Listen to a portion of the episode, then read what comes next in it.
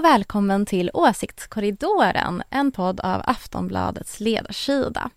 Idag kommer vi prata om a-kassan. Är det bara valfläsk från Socialdemokraterna eller är det riktig politik? Vi pratar även om Ebba Busch och självklart så kommer vi låta Ulrika håna Anders över NATO-svängen.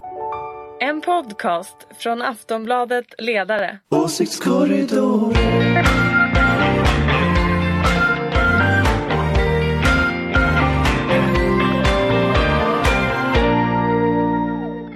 Äntligen, skulle jag vilja säga.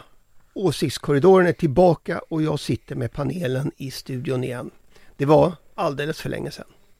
Jag tänker inte ens försöka förklara allt som har strulat de senaste veckorna. Det jag däremot tänker säga är att det här uppehållet beror inte på att det har saknats saker att prata om. Veckorna som har gått har ju verkligen varit dramatiska i svensk politik. Och därför är det tur att jag har med mig några av landets mest erfarna politiska analytiker i den här lilla studion. Ulrika Schenström, chef för den gröna och liberala tankesmedjan Fores. Och i den här podden presenterar vi dig som oberoende moderat. Välkommen! Tackar, tackar! Sina Aldevani, ledarskribent på Aftonbladets oberoende socialdemokratiska ledarsida. Välkommen! Tack så mycket!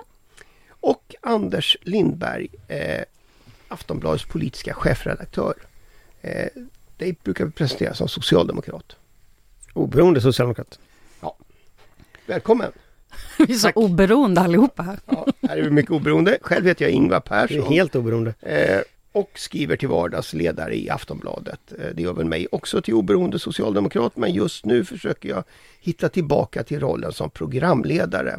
Eh, och då är det ju min uppgift att försöka leda den här podden så rättvist och ojävigt som jag bara kan. Well, well. ja, eh, som sagt. Jag tänkte vi måste börja med NATO. Eh, eftersom sen vi hade podd senast Anders så har ju du ändrat åsikt. Ah, ändrat åsikt! Alltså detta är så fantastiskt. Kan vi, kan vi inte prata om det här hela avsnittet? Nej, Bara jag... håna Anders Lindberg. Jag tänkte eh, Ulrika, eh, och du har väl egentligen redan svarat på frågan. Jag tänkte fråga, har du fått rätt nu? Ja, nu har jag fått rätt. Tycker du ja. Den, alltså, nu svarar han i alla fall. Jag menar, jag kan ju berätta för lyssnarna att jag, den här morgonen när den här berömda ledaren kom så skickade jag en sån här God morgon, god morgon! Vilken fantastisk ledare! Helt dödstyst. Så att, eh, mm, den tog den. Nej, men alliansfriheten har tjänat oss väl. det är så roligt alltså. alltså. Hur många gånger Ingvar har jag sagt att jag vet att det kommer bli så här? Eh, jag har faktiskt inte fört protokoll men Nej. jag kan säga att det är åtskilliga. Mm, åtskilliga, tusentals känns det som gånger. Det, det kan vara en lätt överdrift men eh, Ja, men snart men några gånger har det ju... Nu, några... nu kan det ju bara vara en månad kvar tills vi är liksom mer eller mindre sen... Ja, det, det, det, det är inte så säkert. Det men kan... du som är experten här nu, vad händer? Eh, vad som händer? Mm. Ja, det... Är det den 24? Det vet jag inte. det vet jag inte, det var lite väl snabbt. Nej men alltså jag vet inte om det är den 24. Alltså jag, jag tror ju att det är så att... Eh, maj alltså att, för de som lyssnar, 24 ja, maj. Nej men alltså det, det är ju så att det har hänt en del andra saker innan du skulle gå med i NATO och, och bomba, bomba små länder och sådär. Eh, och, och, och, en sån sak som har hänt är att Ryssland... Du är med där själv, ni är på samma sida. Är att, vi är på samma sida om du har noterat det. Alltså, om du fortsätter så här så tror jag att Anders kommer vända mitt i sändningen. Men det kan ju du gilla. Det kan jag gilla, ja. absolut. Jag är helt för. Jag, I så fall gör jag... Fortsätt peta där Ulrika. Jag, jag tror så här att, att eh, det har ju hänt lite saker så här att Ryssland har invaderat eh, Ukraina och en del annat som ju lite har ändå förändrat saker. Men det har ju också förändrat den svenska liksom, möjligheten att diskutera och framförallt att Finland gör som man gör, förändrar tidsplanen. Och därför tror jag att den här tidsplanen kommer att bli kortare än vad folk tror. Eh, jag tror att den successivt kortas av också, både när det gäller de formella besluten som ska ske, men också hela processen, alltså fram till medlemskap. Eh, helt enkelt för att världen runt omkring oss är så farlig. Så att skulle jag gissa så skulle jag gissa på den finska presidentens besök 17 17 maj som de flesta gissar på. Men sen undrar jag om det inte är så att man också kommer att vidta mått och steg innan NATO-toppmötet för att, så att säga, snabba på processen så att man har förberett ratificering och sådana saker. Eh, jag tycker det låter så när man lyssnar på Jens Stoltenberg och när man lyssnar på liksom stormakterna i NATO att de är väldigt angelägna att få det här av, gjort liksom. Mm. Eh, sen är det ju, menar, sen är det ju så antagligen, det här vet ju ingen, men antagligen så kommer ju allting att gå åt skogen nästa vecka. Eh, det är segerdagen 9 maj. Putin, eh, nu pratar underrättelsetjänsten om att det eventuellt blir så att han förklarar Ukraina krig. Att han kanske mobiliserar landet. De har ju ingen allmän mobilisering i Ryssland som det ser ut nu. Och sen så ser det ut som att de kommer att ha de här fake-folkomröstningarna den 14 och 15 maj för att då annektera Luhansk och Donetsk. Och det är klart att psykologin, om det händer under nästa vecka, kommer ju också ändra hela dynamiken för, för uh, det här. Så att jag tror det kommer att gå snabbare än vad man tror. Spännande. Vi lär få komma tillbaka Ulrika. Du hade, upptäcker det kan man säga. du, hade väl, du hade ju redan eh, deklarerat att till Almedalen. Om det är färdigt före Almedalen. Ja. Men det beror ju på valtekniska orsaker.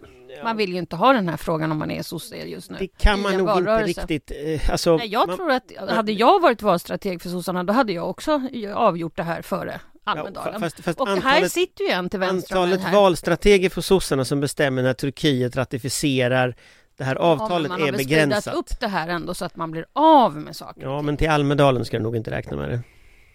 Jag tror den är avdiskad som stor valfråga. Så- Ja, eller så går Vänsterpartiet till val på att vi inte att vi ska dra tillbaka ansökan. Har man 25 procent av väljarna så kan man ju faktiskt dra tillbaka ansökan.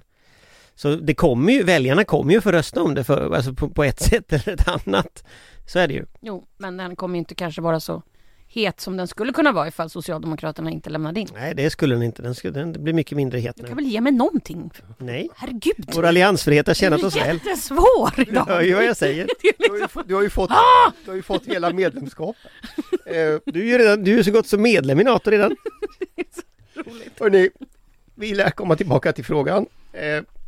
Jag tänkte vi skulle hinna med några ämnen till i alla fall. Även om Ulrika gärna skulle fortsätta prata Ja, vi kan prata om det hur länge som helst och varför han aldrig svarade på mitt sms. Eh, här hemma har ju annars den största och mest upprörda politiska debatten handlat om Ebba Busch och hennes uttalanden om polisens agerande under påskens kravaller. Eh, det jag undrar är, sa Kristdemokraternas ledare fel? Eh, blev hon missförstådd? Eller var det ett avsiktligt sätt att placera sig mitt i debatten? Sina? Nej, men eh, om man tittar på hur eh, hon brukar göra så är det väl exakt det där hon gör. Och det är att hon först provocerar. Nu pekar Anders åt mig. Är det så? Närmare micken, närmare micken, Sina. Sådär. Hon brukar ju ofta gå ut, säga någonting extremt provocerande och sen när man ifrågasätter det provocerande som hon har sagt så backar hon plötsligt och blir ledsen eh, och säger att nej men det här var ju ett missförstånd och så blir hon vidare ifrågasatt och då liksom taggar hon till och så blir hon arg och så anklagar hon alla som ens ifrågasatt hennes eh, uttalande med att de är onda och illvilliga. Eh, Så, men är det så så är det ju verkligen, ehm, det har ju verkligen funkat kan man ju säga. Har du gjort det Ulrika? Kommer det här, är, det här, är det här bra? Skulle du ha rått? Nej men funkat på det Alltså, sättet jag, att hon alltså, jag, men jag tror inte att hon är debatten, felciterad liksom. och jag tror inte att hon sa fel, utan jag tror att, jag tror att de har, har haft den här typen av högerpopulistiska konstiga uttalanden och tror att det är bra. Men när hon då fick kritik då hävdade hon ju att det var inte alls så här. Hon Nej, hade men det är väl många som kanske gör det. När hon får kritik. Ja, kanske. Men jag tycker ändå det går i den här högerpopulist-retoriken. Har Kristdemokraterna tjänat på det här eller förlorat? Anders? Ja, Det, det vet jag inte. Det, jag tycker det är svårt att säga liksom vad, vad, vad resultatet blir.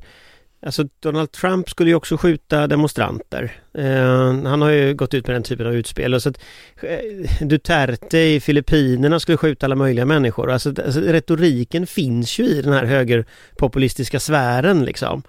Eh, Trump sa väl vid något tillfälle att de skulle spöa upp någon som protesterade från scenen liksom. Där är vi väl inte än, men, men jag menar, vi är ju på väg i den riktningen. Och om man lyssnar på liksom mycket av kommentarerna kring de här kravallerna och så som var så det kändes ju som att folk tog på sig liksom sådana här eh, skidglasögon och så körde de bara rakt in all the way liksom och så kan man inte liksom ana vart det här slutar liksom men det är rakt ner för stupet så är det ju. Men sen, när menar, hennes medarbetare satt och la ut eh, kontaktuppgifter till den här L-galan till journalisterna som jobbar på L. Satt ju liksom hennes medarbetare la ut på, på, på nätet liksom. Alltså det, det är ju den här typen av grejer gjorde ju SD för några år sedan. Nu gör KD dem liksom helt öppet. Jag är ganska, jag vet inte, jag, jag är ganska desillusionerad överhuvudtaget vad det är för parti liksom. De som inte hängde med i det här med Ellegalan, det var alltså så att hon blev portad, kanske man ska berätta, från en modegala eh, och gjorde ett ganska stort nummer av det. Och där kan man ju säga att de här arga medelålders männen med nummerkonton kanske inte är liksom Ellegalans första målgrupp. Men alla de har nu berättat att de ska bojkotta tidningen L i alla fall, Som modetidningen. om de brukade köpa den. Men det, det, alltså det trend- trendade igår. Bojkott L trendade på Twitter eh, för att hon skulle vara så här arg och upprörd då. För, Men du tänker att, att som liksom kommersiellt hot är det inte så överväg eller så skrämmande för el. Jag, jag tänker att de människorna som, som, som eh, då sitter och lägger ut adresser till folk på, som jobbar på tidningen L kanske inte är de som läser tidningen L, tänker jag. Men jag, jag vet inte, jag, jag läser inte tidningen L själv så att, så jag kan inget om den riktigt. Jag kan inget om Ellegalan heller. Jag visste inte att Ellegalan var ens. Förrän hon... Det eh, visste du visst. Nej, det visste jag inte. Inte förrän hon inte det fick komma där dit. var lite faktiskt. Det är klart du visste att det fanns något som hette Ellegalan. Alltså jag vet inte när det är OS. Nej men OS och Elgala är verkligen inte samma sak. Jag kan bara politik. Och nu är ju Elgalan politik. Nu blev Ellegalan politik så då kom den in i mitt synfält. Och OS kommer också in i mitt synfält när de lägger i konstiga länder där det, som bryter mänskliga rättigheter. Men annars så bryr jag mig inte så mycket om det faktiskt. Och jag tror ärligt talat inte att Ebba Busch hade brytt sig så mycket eh, som det nu blev om hon inte hade blivit borta därifrån. Alltså nu fick hon så mycket uppmärksamhet som, som hon ville ha. Och då handlar nu plötsligt kravallerna om Ebba Busch. Och så handlar L om Ebba Busch. Och så handlar då Ukraina om Ebba Busch. Så allting handlar till slut om Ebba Busch. Titta på mig. Här är jag. Men, men är, tror jag Är det det, är. är det så politiken, är det dit politiken är på väg? Var, är det så du menar Ulrika? Nej men jag tycker att eh, vi har sett eh, eh, sån här typ av retorik jättelänge nu. Mm. Eh, jag tror till faktiskt trots allt, jag är ju lite positiv idag av många skäl, inte bara NATO-skäl utan jag känner ändå att det där tror jag håller på och vänder. Jag tror inte att det där, alltså jag säger inte att det är klart före valet annars, inte ser ut sådär eh, bekymrad nu, utan jag tror ändå att jag ser lite ljuset i tunneln, att det kanske är så att folk ändå vill ha partier som, hör och häpna, gör reformförslag och innehåll och inte bara dundrar eh, för att nå opinion utan faktiskt eh, vet vad de vill göra ifall de får en taburett, alltså en position. Men, Eh, men vad är det som får dig att tro det? Vad Nej, bara för få tecken? den känna, nej men att Magdalena går väldigt bra, man kommer ändå med innehåll i politiken, sen om man gör det av valfläskskäl eller inte, men det är ändå lite sådär att det ändå kommer lite reformförslag, tycker jag ändå att jag känner. Och Nej, det jag- verkar ju gynna men- Socialdemokraterna så att säga. Jag, jag tror också det gynnar Socialdemokraterna men jag tror att SDs, eller förlåt, KDs strategi här, den är liksom att man, man ska, allt ljus på dem liksom. Och, och, och då är det personfrågor som står i centrum för dem. Att, att liksom Ebba Busch ska marknadsföras som liksom den här kandidaten som står, den här sanningssägaren, den här liksom hårda, tuffa personen som liksom sätter hårt mot den hemska Jo, man vet woke-vänstern och inte sådär. riktigt om det kommer att funka så mycket längre. Alltså jag är inte helt hundra på det. Det är bara en feeling jag har idag. Nästa tisdag kanske jag känner att allt håller på att gå åt helvete, men inte just idag. Men jag tror att de tror att det funkar. Mm, Alltså, absolut. De, deras valstrategi ser ut så. Och grejen är att Ja. jätteintressant efter den här, eh, nej, efter det här skjutglada poliser-grejen. Mm. Då gick både Moderaterna och Sverigedemokraterna ut och backade upp det. De kände också att det var så här liksom man skulle prata om, om polisen trots att polisfacket gick ut och liksom var stenhårda mot, mot Ebba Busch. Så de förstod också det här liksom, liksom fram med vapnen så här. Och, och någonstans Okej, KD ska vara liksom den väpnade grenen då till liksom det här gänget. Alltså det, nej, jag, jag vet inte. Jag, jag tycker det känns som att det är ett fritt fall neråt för hela det här gänget liksom. Jag hoppas att de inte får 51 procent för det är inget kul land att leva i liksom. Men Nej, jag tror inte de kommer att ändra sig. Mm. Ja, vi får hoppas att det går åt andra hållet, men uh, we'll see. Mm. Eh, Ulrika sa precis att hon hoppas på en rödgrön valseger alltså. Eller? Nej, det har jag inte sagt, utan vad jag har sagt är att jag tror att folk Mm och väljare är intresserade av partier som är ute efter riktiga reformförslag och jag tror att ju fler partier som börjar göra det man ska göra som politiker, nämligen förändra och förbättra för andra människor än en själv. Då kan det vara möjligen så att vi kommer ur det här dårtänkandet på att man bara ska vinna opinion på att dundra om saker. Jag tror nämligen att väljarna faktiskt vill ha partier, oavsett färg och så, eh, som verkligen levererar det man, ha, eh, det, man, det man vill göra. Därför att jag menar, ska man få en position är det ju bra om man vet vad man ska göra när man är där. Kan nog bli sosse av dig också. Hörru du du. Nya Moderaterna var ett jättebra, eh, just innehållsligt koncept. Mm. Jo, det förstörde dit, dit för ditt parti ganska länge. Bara för att när jag kommer tillbaka nu behöver du inte vara så himla... Nu är han lite snorkig tycker jag nästan. Fast nu ler han jättemycket. låter, Vilket du absolut inte gjorde i början. Nej, nej absolut. Ingen låter, väl- snorkighet. låter väl som payback. Hörrni, vi lämnar det här området och eh, jag tänkte, alltså vi har ju i söndags så samlade ju, samlas ju människor åter bakom röda fanor och lite allt möjligt, plakat och sånt för att demonstrera på första maj. Magdalena Andersson höll sitt tal på Norra Bantorget precis som seden bjuder. Eh, och det blev förstås en del skäll på det borgerliga styret i regionen. Mycket prat om säkerhet och så blev det en riktig nyhet. Får Andersson bestämma kommer nivåerna i a-kassan att ligga kvar på dagens pandemianpassade nivåer också efter årsskiftet. Är det bara valfläsk eller en signal om att politiken har fått ett nytt fokus efter pandemin? Ulrika? Kanske både och, men framför allt så tror jag att det här är lite stilpoäng till Magdalena Andersson eftersom det slår split, mellan Moderaterna och S Sverigedemokraterna. Moderaterna, där är jag fortfarande väldigt mycket moderat. Jag tycker att man ska ha sänkt a-kassa, men det tycker ju SD inte. Eh, så att eh, här håller jag helt med eh, Moderaterna, och inte som oberoende moderat då, utan då helt plötsligt kan jag joina här. Här, blev du en beroende moderat. Ja, beroende moderat. Men jag tycker ändå att, för det sår, sår ju split mellan Moderaterna och Sverigedemokraterna här och det konservativa blocket. Anders? Nej men jag, jag tror det är ett jättebra förslag eh, för att det gör att människor får, får mer pengar att röra sig med, människor som behöver det. Eh, vi har ett socialförsäkringssystem rent allmänt, vi har en a-kassa rent allmänt, vi har pensioner rent allmänt som är för låga. Och det, de behöver höjas och det är ju delvis Nya Moderaternas fel att det är så här men delvis också att man under ganska lång tid Det är faktiskt Åtta år sedan Nya Ja, men att man under ganska lång landet. tid, även innan det, hade för, för låga nivåer. Pensionssystemet har varit underfinansierat under väldigt lång tid. Så att jag menar, någonstans, så det är bra att man tar en debatt om det här nu och att man faktiskt börjar höja de här nivåerna. Nu har vi ju en pensionsgrupp, så nu är vi tillbaka i pensionsdiskussionen som du och jag kan bråka om hur länge som helst. Jag tror fortfarande inte på att eh, eh, höja pensionerna genom att eh, göra det över statsbudgeten, utan att göra det genom pensionsgruppen. Eller reformera hela eh, pensions, det, pensionssystemet. Det vore väl en jättebra idé. Fast Men pensionsgrupp- apropå det här med eh, att just eh, komma med eh, riktiga förslag som... Eh, Pensionsgruppen är ju riggad för att hålla pensionerna nere. Så, så, så, ja, men man kan ju ändå eh, se till att göra det över pensionsgruppen Hörrni, och inte över eh, så kan man skrota den också. En idé. Eh, Det här har vi pratat om så himla många gånger så jag blir Oj. nästan så jag orkar inte, jag blir till- och med trött på mig själv. Men ni kommer att få prata om det igen, men inte idag. Eh, eftersom det var a-kassan som var ämnet. Eh, för, för den Varför- här dagen. Varför ramlar vi jämt in på pensionerna? Vi är så gamla. Sina, Ja. alltså vad tror du? Tror du att det här förslaget skulle ha varit möjligt innan pandemin? Alltså skulle Magdalena Andersson ha gått med på höjda nivåer i a-kassan? Alltså jag vet inte för att inför varje socialdemokratisk valrörelse så låter de ju alltid vänster. De, de låter ju som socialdemokrater. Det är ju inte förrän de sen blir valda som man eh, kan ha lite anmärkningar på hur de faktiskt gör.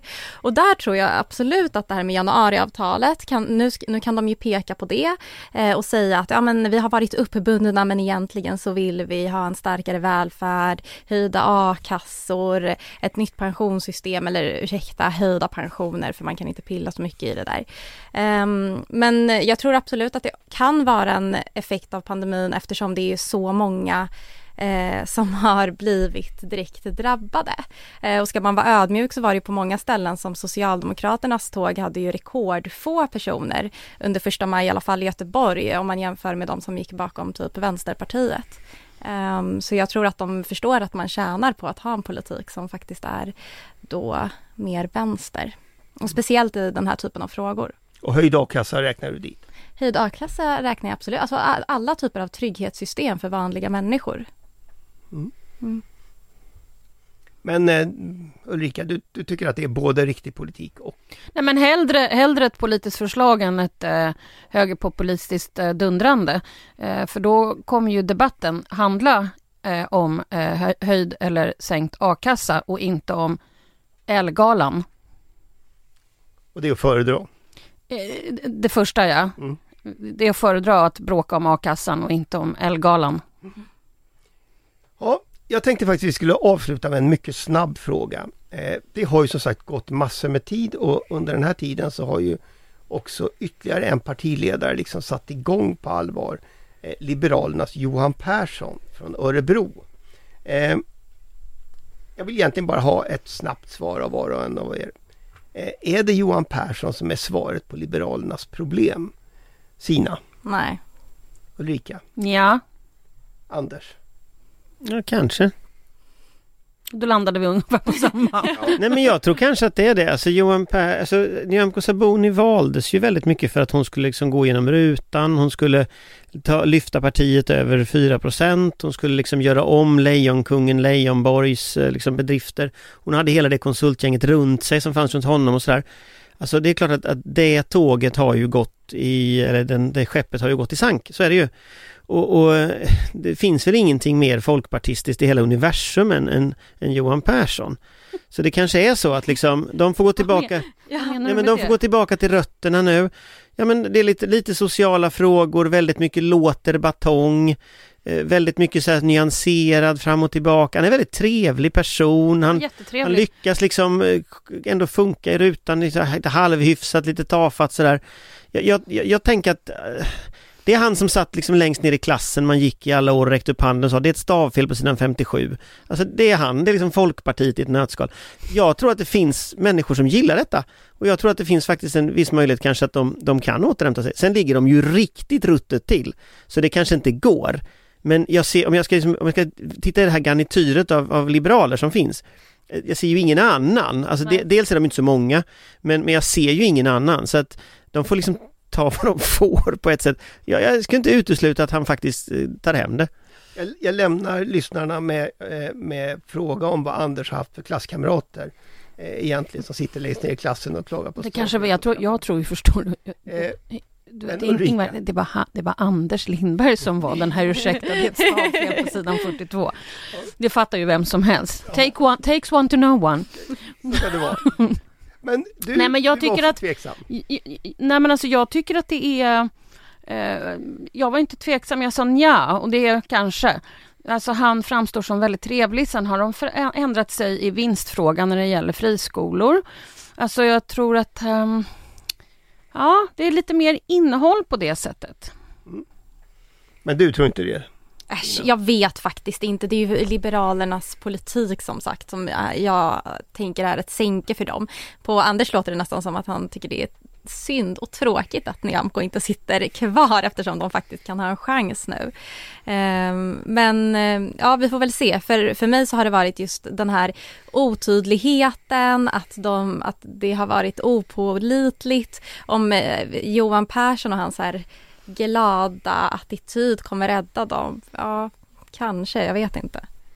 Det kanske inte är, skulle vara den första man tänker på pålitlighet just. Men eh, Men alltså det, det, han, har, han har lite samma kvalitet som Lennart Daléus, kommer ni ihåg honom? det Nej. gick ju inget vidare. Nej, men han var väldigt trevlig också. Så. Men de kom faktiskt kvar i riksdagen. Alltså, han var väldigt trevlig och snäll och gjorde inte en fluga för när. Och Centerpartiet, när de bytte partiledare, fick ha en kampanj som hette Det här är Lennart för att människor skulle komma på att han fanns överhuvudtaget. Men jag bara påminner om, de kom in i riksdagen. Så att, så att det, det finns någonting med liksom det här är Lennart-karaktärer som ändå är liksom det tråkighet som politik. Och om det är någonting jag saknar faktiskt i politiken just nu så är det tråkmånsar. Det finns för många Ebba Busch Thor och för få Johan Persson och jag tror att det, det finns någonting ändå i det här tråkiga, lite halv liksom tafatta som, nej jag, jag, ska, jag tycker inte man ska räkna Johan ut det. Persson är ganska rolig, alltså han är ju faktiskt Ja men jag menar inte rolig. tråkig som tråkig, jag menar tråkig som liksom inte Jag inte, retas. gå, inte klä upp en klänning och stå utanför. Elgalan liksom. Nej men jag tror, jag, jag ska inte, jag, jag tror inte man ska räkna ut honom. Jag, kärringen mot strömmen här är jag, tänker jag. kräver att Johan Persson får en inbjudan till Elgalan. Eh, det där är faktiskt allt vi hinner med idag. Eh, det finns förstås massor med saker vi inte har pratat om, massor med saker vi har pratat om som inte minst Ulrika skulle vilja prata längre om. Eh, men det får anstå. Eh, och om bara verkligheten är lite vänligare mot oss så kommer vi att vara tillbaka redan om en vecka. Eh, Tills dess vill jag bara tacka panelen för dagens program. Tack Ulrika, tack Sina, tack Anders. Dessutom vill jag precis som vanligt tacka dig som lyssnar. Det är ju för dig vi gör podden och nu har du dessutom fått vara riktigt tålmodig innan vi är tillbaka. Eh, men nu är vi tillbaka. Hej då! Hej hej! Hej hej! Du har lyssnat på en podcast från Aftonbladet.